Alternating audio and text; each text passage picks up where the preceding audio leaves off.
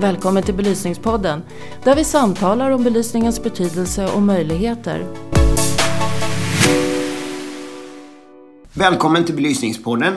Eh, idag sänder vi från ett av våra medlemsföretag i belysningsbranschen, Cardi, som har alldeles nyrenoverade lokaler på Vallallavägen i centrala Stockholm. Och med mig idag har jag Beata Denton och Jessica Linefors. Eh, välkomna. Tack. Kan ni berätta lite grann om er och vilken bakgrund ni har? Ska du börja Jessica? Eh, ja, eh, Jessica Linefors heter jag, precis bytt efternamn från Johansson. Eh, jag jobbar på Liljevall Arkitekter idag, har gjort det i två år ungefär. Och har tidigare jobbat på ett större teknikkonsultföretag på ljusavdelning där under ja, åtta år ungefär. Så det är min bakgrund. Och Beata? Jag är utbildad arkitekt, eh, pluggat i London och i Stockholm. Eh, jag har jobbat eh, väldigt lite som arkitekt egentligen, husarkitekt. Jag kom snabbt in på en mindre skala som passade mig bättre och det var inredning. Så jag var ansvarig i många år på, för inredningsstudion på PS Arkitektur. Eh, och vi gick ihop eh, för två år sedan med Reflex och då tog jag chansen att starta ljusstudion så nu jobbar jag enbart med ljus. Hur kom det sig att ni började med ljus och blev välkända inom ljusbranschen? Vad var det som avgjorde det? Vad fick er in på den banan?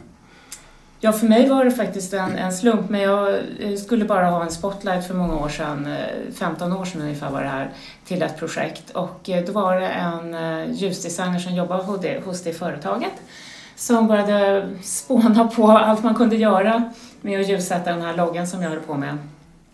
Och jag tyckte det var så otroligt spännande. Jag fattade hur mycket man kunde framhäva sin design med ljuset och hur många möjligheter det fanns. Så sen dess bara var jag helt såld.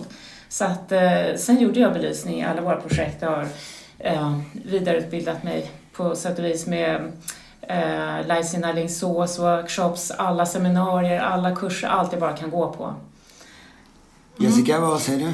Eh, jag läste ju ljusutbildningen i eh, Jönköping för tio år sedan ungefär. Ehm, och anledningen till att jag sökte mig till den utbildningen var för att jag har haft ett väldigt stort intresse av liksom den rumsliga uppfattningen ehm, och byggda miljöer och så väldigt länge och ville jobba inom det segmentet på något sätt. Var lite inne på arkitekt, inredare, design, vad, vad ska man läsa? Så hittade jag den här utbildningen av en slump egentligen eh, och tyckte att det lät jättespännande att få kombinera det med Eh, både gestaltning och teknik och, och de bitarna. Och att det var ett ganska upcoming yrke då. Eh, att det inte var så många som hade läst utbildningen tyckte jag också var väldigt spännande. Eh, och sen därefter så har det bara löpt på. Jag hamnade hos en, en belysningsleverantör eh, utomlands första året och sen som ljusdesigner på, eh, i Stockholm. Då. Och då jobbar ni båda på arkitektföretag som har faktiskt valt att satsa på ljus och belysning. Ja. Varför tror ni era företag har gjort det? Ni får gärna berätta lite om hur de har gjort det också och ja, varför. Jag tror i alla fall i vårt fall, eh, Liljevall, så har man sett ett ganska stort behov internt av att ha den här kunskapen. Det har, det har vuxit fram ett behov.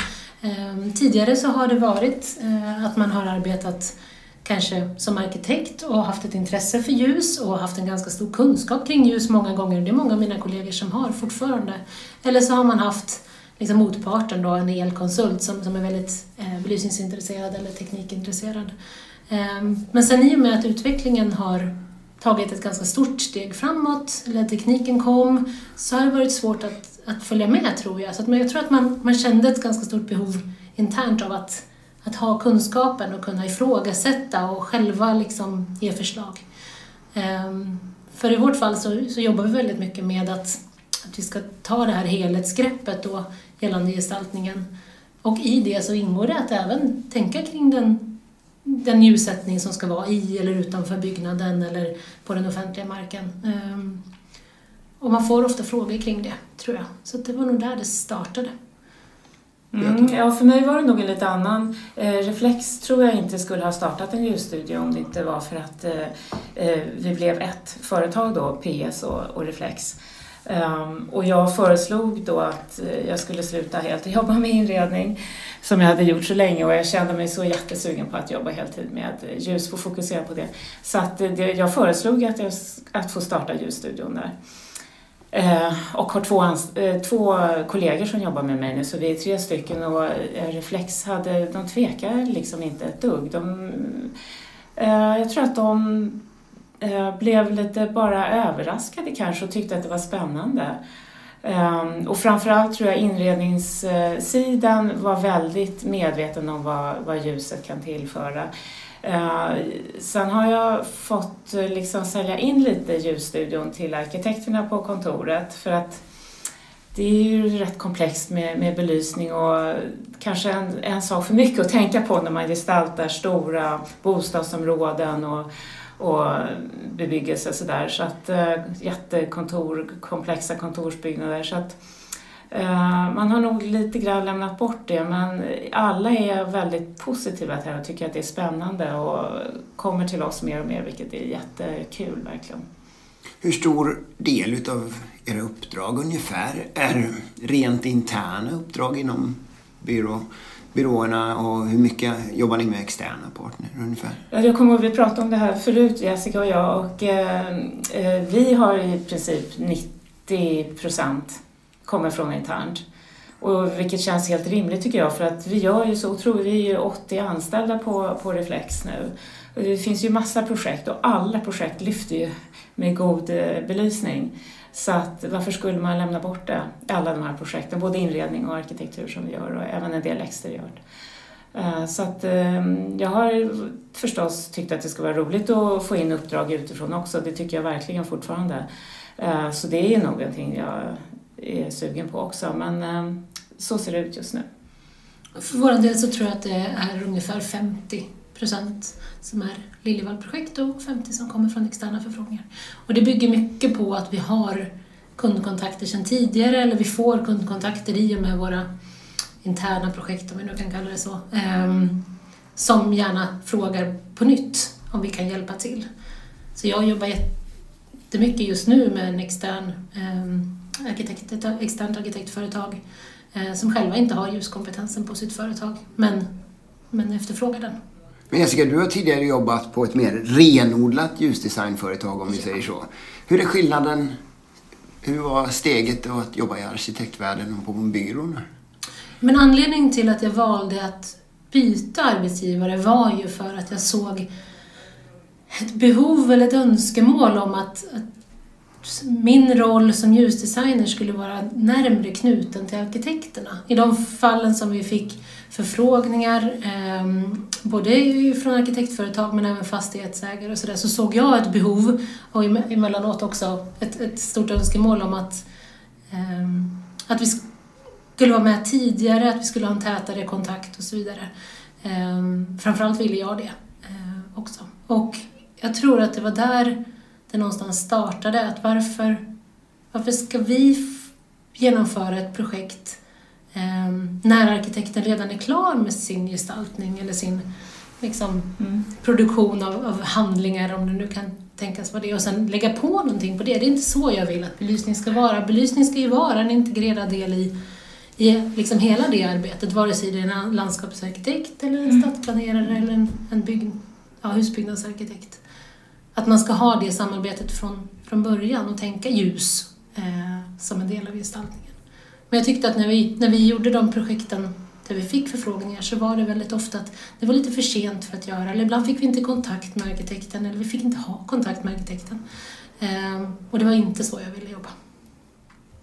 Göta, du har väl inte riktigt den bakgrunden att ha jobbat på ett rent odlat ljusdesignföretag, men hur ser du på skillnaden mellan Nej, men jag är van att jobba så som vi jobbar nu då, att vi alltid jobbar väldigt, väldigt tätt ihop. Um, och, men jag tycker vi kan komma in ännu tidigare egentligen. Ehm, så att det, det, vi håller på att utveckla det samarbetet inom kontoret, både med inredarna och arkitekterna, att eh, försöka få in oss ännu tidigare och ännu tidigare. Så att eh, det blir en mindre kostnad då för beställaren om man eh, har tänkt på belysningen redan från början så undertaken ser ut på sig och så, eller att det liksom finns förberett för, för bra ljus istället för att man ska hålla på och råda om något som redan är projekterat till hälften.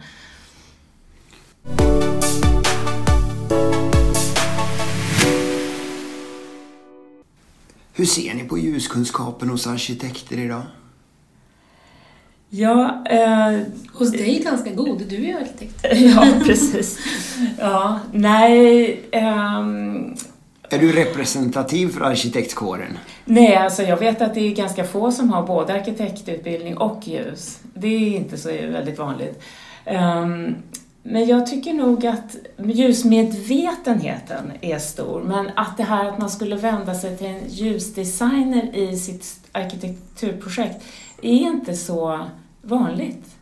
Jag känner att man inte riktigt eh, eh har kanske förstått eh, eller orkat ta till sig att den biten också ska göras liksom, på, istället för att Ehm, någon projekt som äger projektet liksom ger det till någon elkonsult utan att man själv kan få aktivt vara med och välja en ljusdesigner som ska lyfta det här projektet i all dess glans.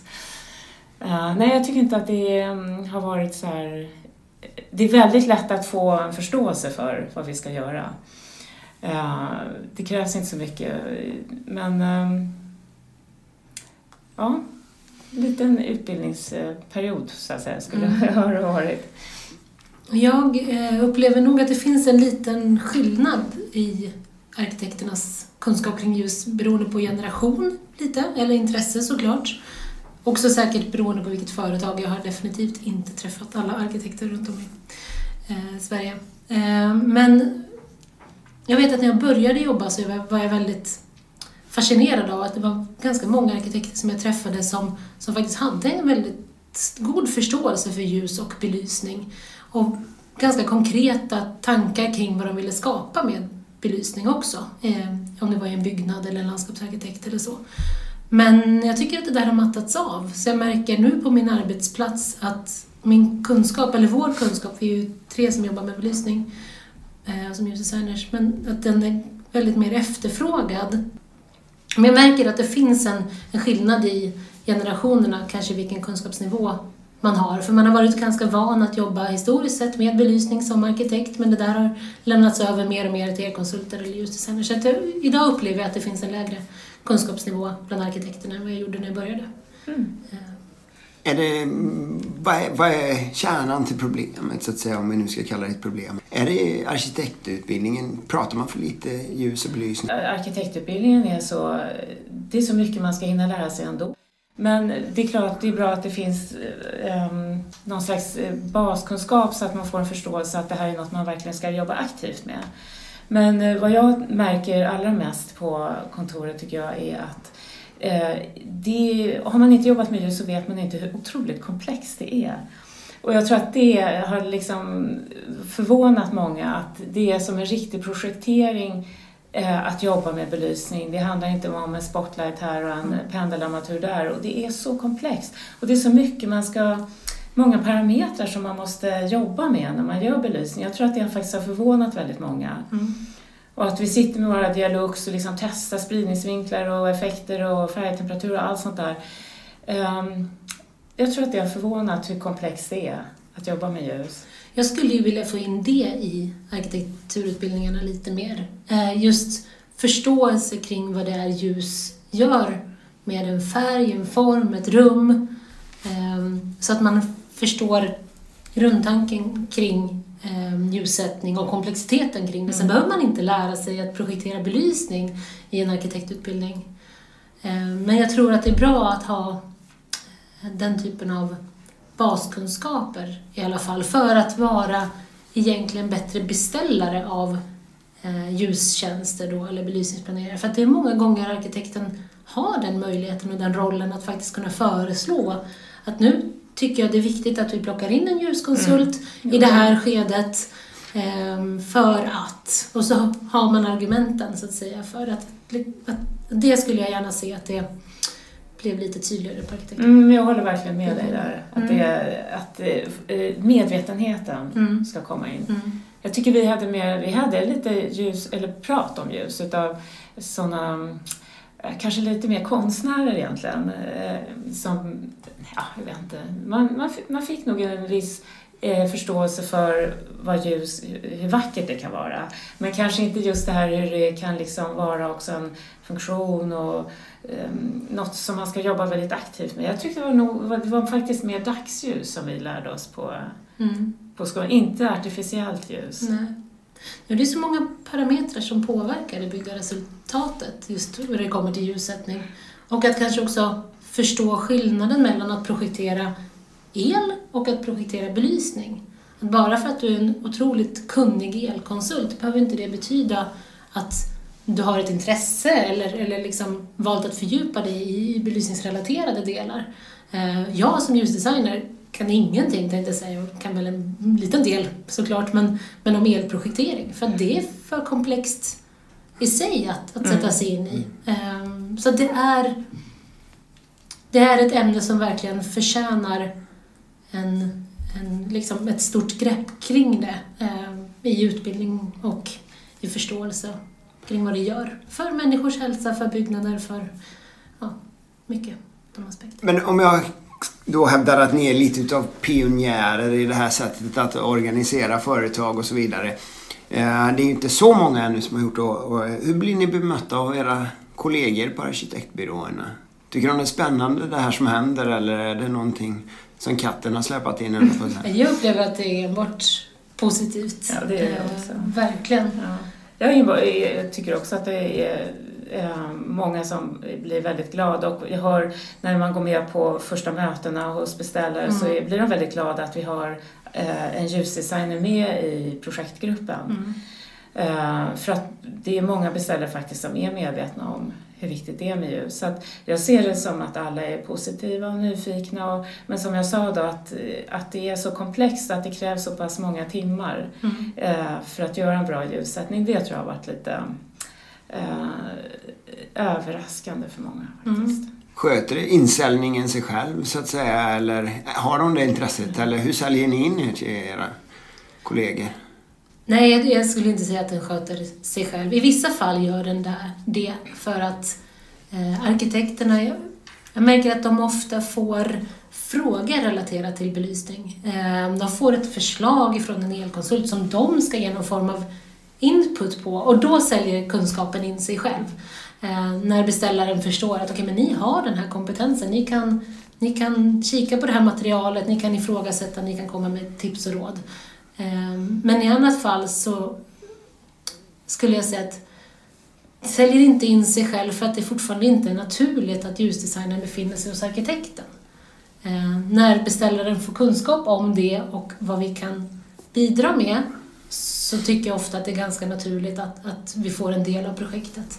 Men, men projektgruppen i stort ser ju ut som den nästan alltid har gjort. Du har en arkitekt, du har en VVS-konsult, du har en elkonsult, du har en konstruktör, eh, någon som är ansvarig för tillgänglighet och så vidare. och så vidare. En akustiker börjar bli ganska självklart, men ljusdesignern har inte en självklar roll där. Utan man förlitar sig mycket till, till elkonsulten eller arkitekten. Så det är, det är en insäljningsprocess, absolut, i många fall. Det är det. Vad säger du Beata, hur säljer ni in er till era kollegor? Eh, håller föredrag på kontoret. Um, eh, berättar om ljusdesign, eh, liksom hur fantastiskt det är. Det är verkligen en passion för mig så jag tycker det är väldigt roligt att prata om ljus. Um, så att det, det är så vi gör och sen så Eh, får man vara lite tjatig och höra vad det är för, för projekt som är på gång på kontoret och säga men ah, ta med oss redan i systemhandlingsskedet så att eh, så vi kan få till någonting bra redan i tid. Liksom. Det, jag tror att det är det som är eh, lite av ehm, knäckfrågan att försöka få den här medvetenheten att vi ska in så tidigt för då blir det ju mycket större möjligheter att göra en bra ljussättning. Det blir lite krångligare och dyrare och massa ätor och sådär som ingen eh, beställare vill eh, se och höra talas om ifall man kommer in för sent. Men om jag nu då frågar er och ber er svara kortfattat att sälja in det här på Mainroom. Vad är det viktigaste ni kan bidra med i projekten i er roll? För mig för, om, så är, är det um, att vara länken mellan beställaren eller arkitekten och brukaren. För att arkitekten är självklar och projektören eh, elprojektören eller är självklar. Men däremellan krävs någon som tolkar beställarens önskan och vision med det här projektet. Och det kan en ljusdesigner göra.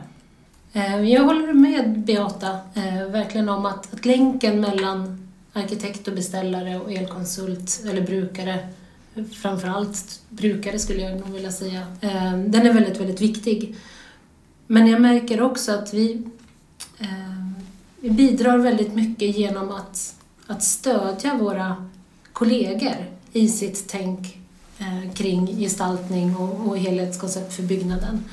Eh, att vi redan där i mångt och mycket sätter grunden för hur den fortsatta projekteringen och vilka roller som ska ingå i, i den fortsatta projekteringen.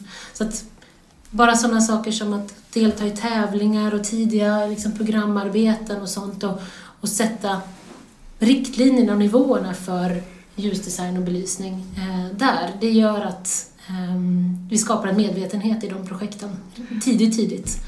Eh, och då blir det en ganska självklar del även i den fortsatta projekteringen. Så det tror jag absolut vi bidrar mm. med i stort. Jo, det är jätteviktigt det där att komma in tidigt. Och jag brukar, eller vi, vi tre i ljusdesignstudion, det är Ulrika och Maria också, eh, som jobbar med mig. Eh, vi ehm, vi brukar ju trycka på det att så jättetidigt som möjligt, så fort man har en projektgrupp, så vill vi träffa elkonsulten. Uh, för att vi ska vara på, på tåget tillsammans så att säga. Så att vi inte sitter i varsin kammare och sen får vi inte ihop det. Utan jag, man kan, jag tycker det är väldigt roligt att jobba med konsulterna som kan hela den tekniska biten. Och um, om man är tidigt ute så, så har man ju oftast ett väldigt roligt och gott samarbete mm. och hjälper varandra skapa den här mm. bra ljusmiljön.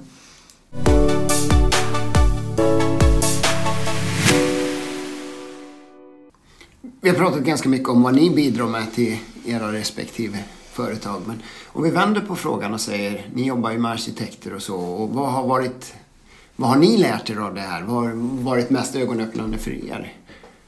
Att jobba? Mm, jag tror att få följa deras process eh, har varit Eh, det mest intressanta, eh, jag vet inte om det har varit en ögonöppnare, det blir det ju också, men, men det mest intressanta definitivt, att få se hur de startar ett projekt, vilka tankegångar som går, vilka skisser som tas fram tidigt och vilka utredningar som görs.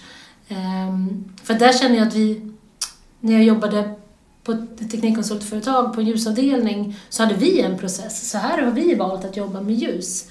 Men, men det skiljer sig en del ifrån arkitektens sätt att jobba med med byggnaden eller eh, stadsmiljön eller vad det kan tänkas vara.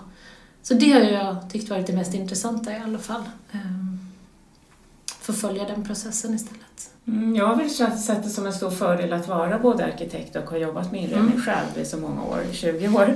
Så att eh, eh, jag förstår ju så väldigt väl eh, vad arkitekten och inredaren är ute efter och, eftersom jag har suttit i exakt den båten själv. Så att det har inte varit några konstigheter egentligen. Men kan det finnas någon fördel med att inte anställa egna arkitekter, eller ljusdesigners eh, och anlita olika för olika projekt och sådär? Det finns nog för och nackdelar med de båda. Som sagt, jag skulle inte se oss som på något sätt konkurrenter till de ljusavdelningar eller ljusföretag som finns idag.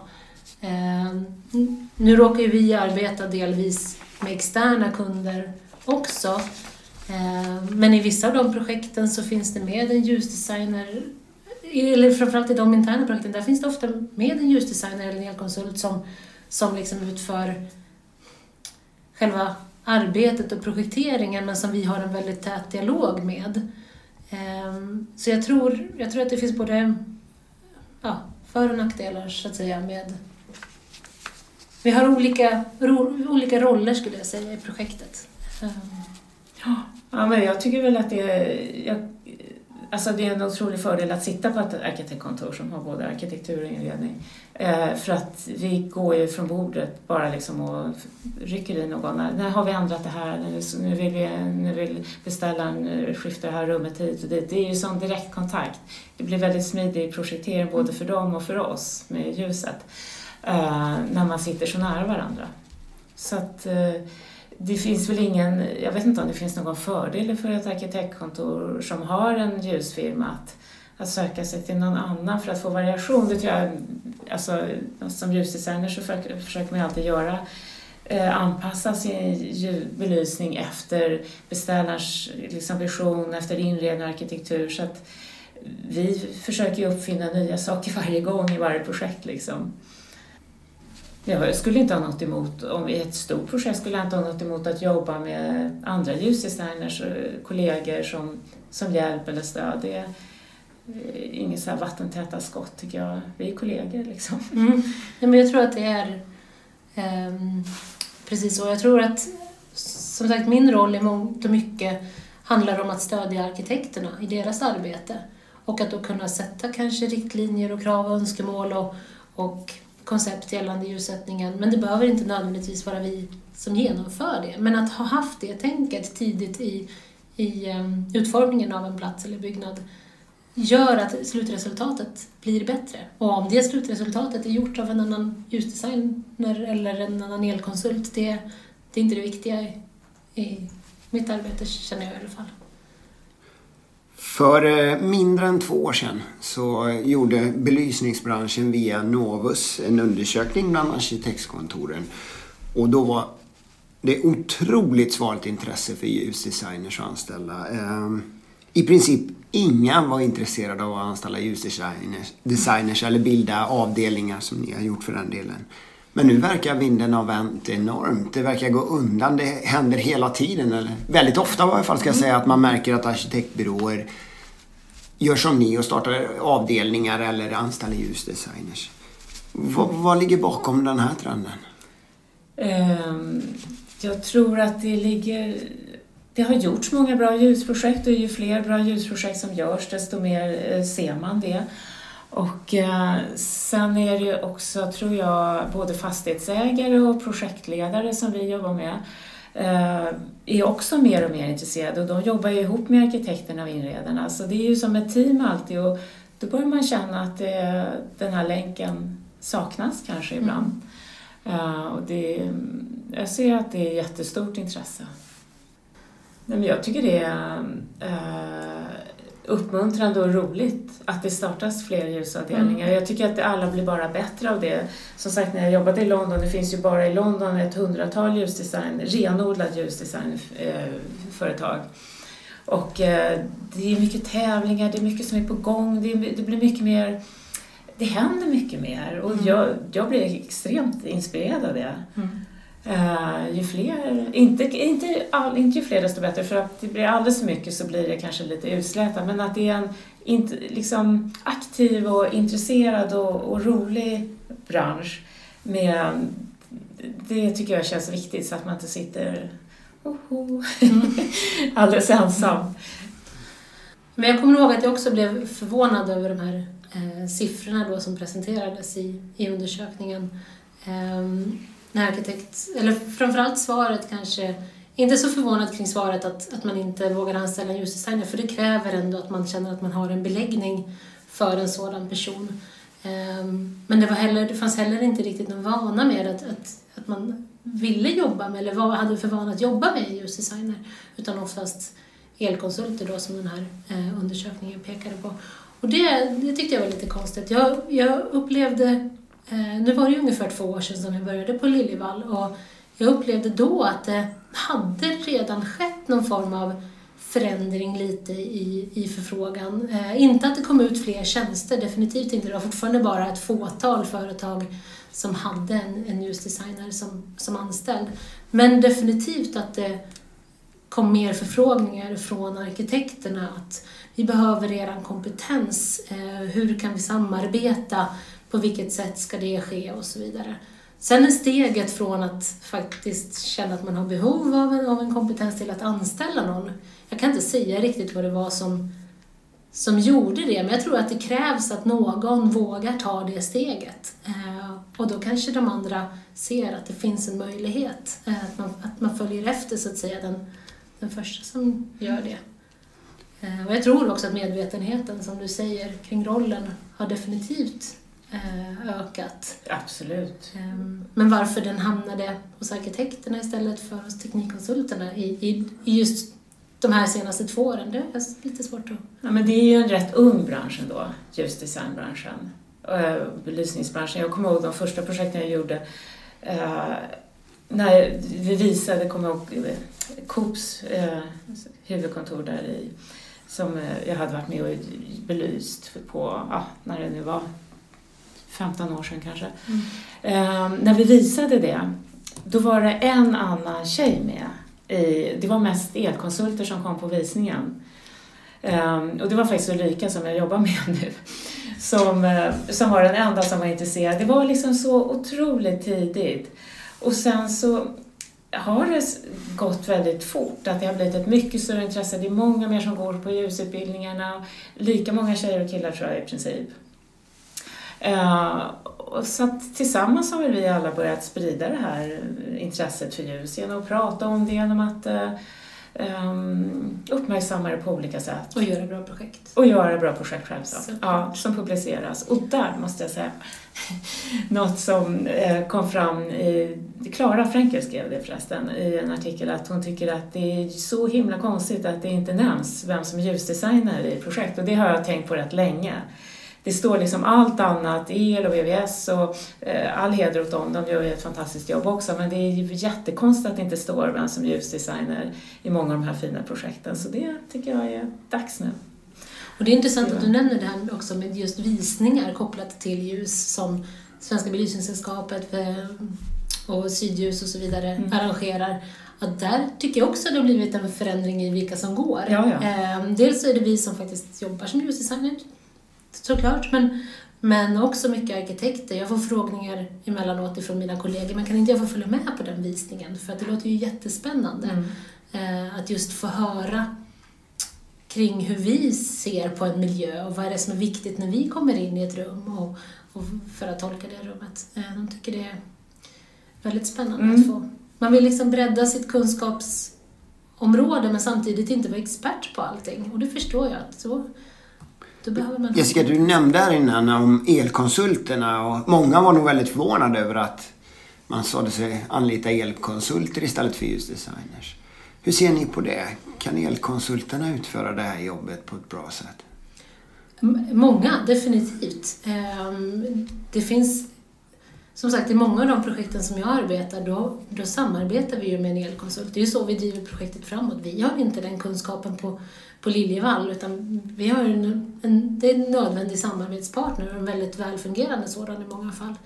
Eh, så det finns ju många som har en otrolig kunskap men samtidigt som jag sa förut så har ju även liksom kraven på en elkonsult och vad, vad, vad som ska rymmas inom den rollen och vilka olika kunskapsområden som du behöver känna till. Belysning, kraft, styrning. Det, finns, det är väldigt brett att försöka upp, vara uppdaterad på allt det samtidigt tror jag är svårt. Jag skulle definitivt tycka det är svårt.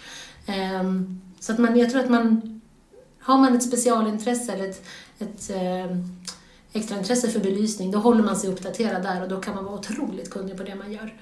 Men, men det krävs att man, att man har det, mm. uh, tycker jag. Så att, jag alltså en, en elkonsult kan ju vara så mycket mer än, än liksom bara kraft och styrning och, och belysning. Det kan ju vara en otroligt viktig roll på många andra sätt.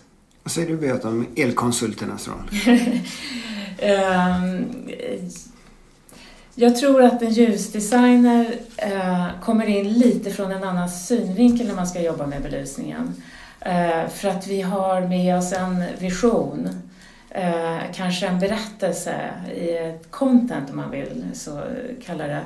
Eh, med sin ljussättning och en elkonsult kan komma, eller kommer nog lite mer från den tekniska sidan och eh, vill mer liksom göra rätt, eh, få rätt ljusnivåer och rätt ehm, ja, energieffektivt och kostnadseffektivt och snabbinstallerat och, och sådär. Och vi kommer från en, en helt annan eh, utgångspunkt i arbetet.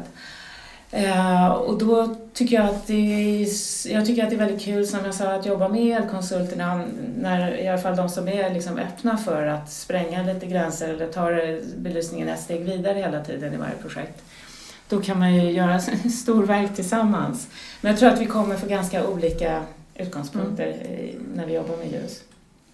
Jag håller med dig. Jag upplever också att eh, det ofta efterfrågas, den här länken mellan arkitekten och elkonsulten. Att, att man, vi har fått förfrågningar emellanåt eh, just att, att vara det, att man känner från elkonsultens sida att, att eh, men vi behöver någon som kan, kan ta de här frågorna med arkitekten och förstå vad de vill och som kan omsätta det till någonting som vi kan projektera. Att, att liksom vara lite bryggan däremellan märker jag efterfrågas ifrån båda hållen i, i ganska stor utsträckning nu för tiden. Mm. Eh, så det har nog, som du säger, att man kanske har en, en mer teknisk bakgrund och det gäller att, att hålla sig ajour med de delarna eh, som rör elprojekteringen. Och då kanske man inte har varken tiden eller ibland viljan att, att liksom förstå vad som är viktigt för arkitekten. Eh. När de pratar gestaltning och har en tydlig vision om vad, vad som den här miljön ska förmedla och sådär. Så jag tror absolut att det finns.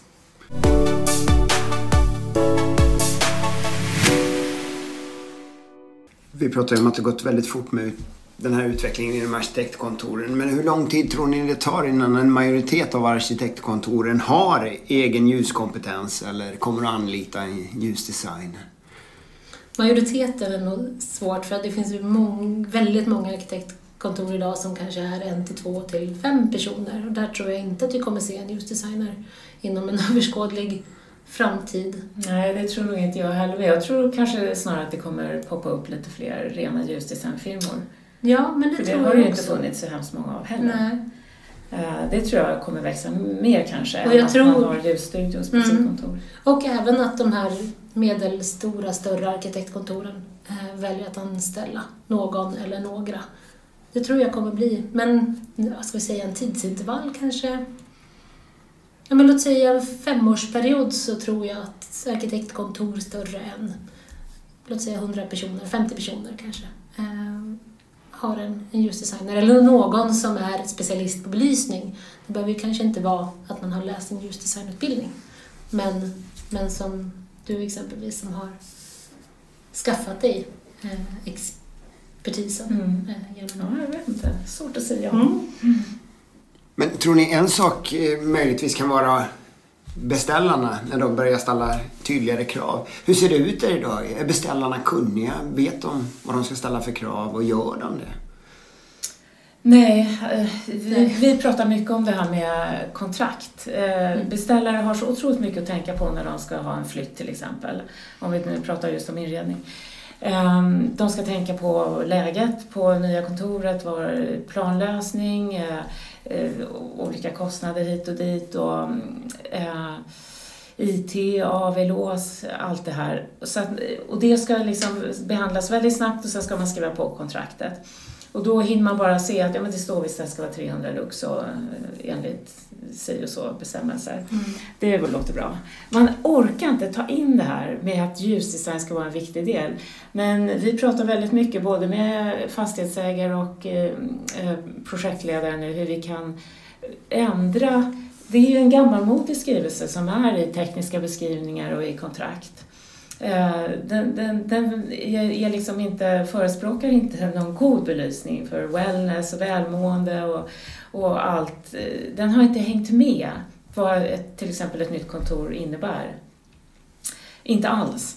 Eh, Så att vi jobbar stenhårt med att man ska kunna omformulera det här så att det blir bättre belysning på kontoren. Mm. Mer reglerbart och Eh, för välmående och trivsel och hälsa och för att understödja alla funktioner som finns i ett, ett kontor nu för tiden. Det, det gör ju inte de här slätstrukna standardbelysningarna med sina 60-60-plattor och eh, väldigt lite eh, i basnivån liksom så ingår väldigt lite separata styrningar och möjlighet att zonindela och sådär. Uh, där finns det otroligt mycket att göra. Mm. Men det, ja, jag tycker att eh, hyres, eh, som du, din fråga var om, om beställarna är medvetna och, eh, Och ställer det- krav. Och ställer krav. Det hinner de inte, orkar inte, kan inte. Och därför så är vi gärna med liksom skulle vilja vara med väldigt tidigt med hyresgästerna och, så att, och hjälpa dem att påtala det här och höja nivån lite i, innan man skriver på det här kontraktet. Jag tror inte heller att beställarna har möjlighet att ha den eh, detaljkollen. Eh, och jag tror att vi har gått emot en trend där beställarna lämnar över mer sådant till sina egna konsulter, eh, kanske inom beställarorganisationen eller de konsulterna som är inom projektet, eh, att liksom sätta nivåerna för det. Så jag tror inte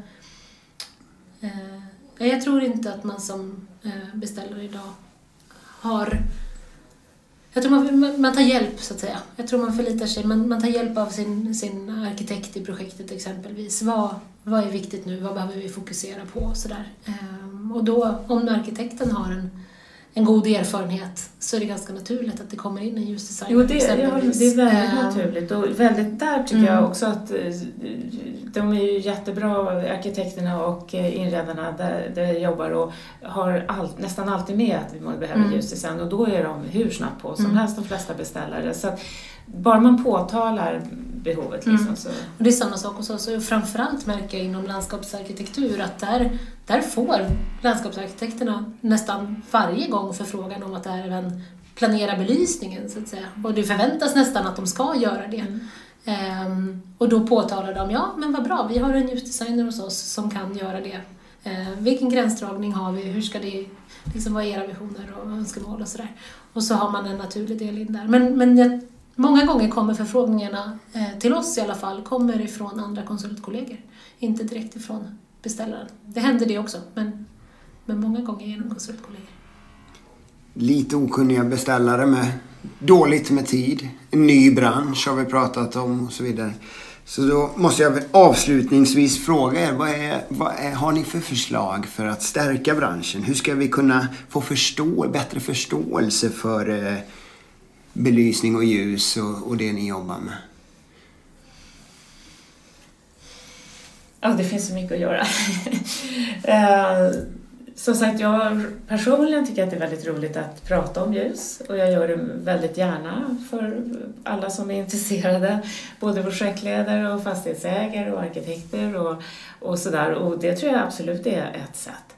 Eh, som sagt, att, att höja nivån, jag tycker att det är bra att man nämner vem som är ljusdesigner i många projekt.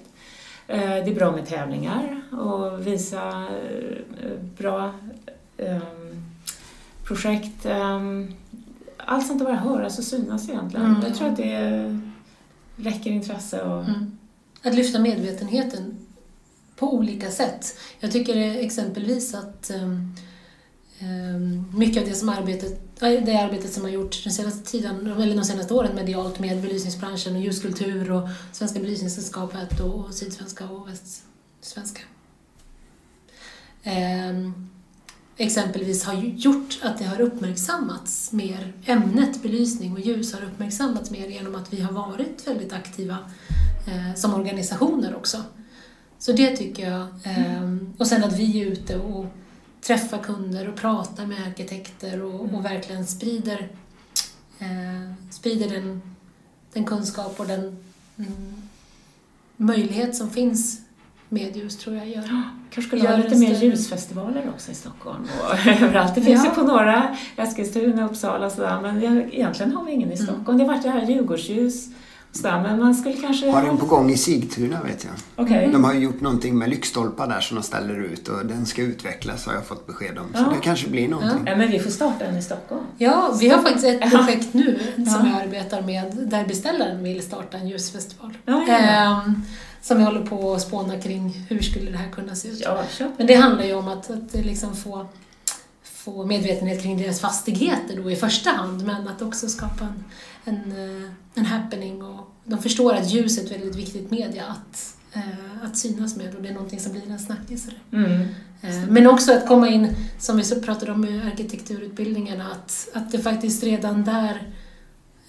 För jag tror att, att arkitekterna har en, och kan ta en större roll än vad de kanske tillåts eller gör ibland och kan vara en, en bra representant för att arbeta med ljussättningen. Eh, eller det är en bra representant att arbeta med ljussättningen.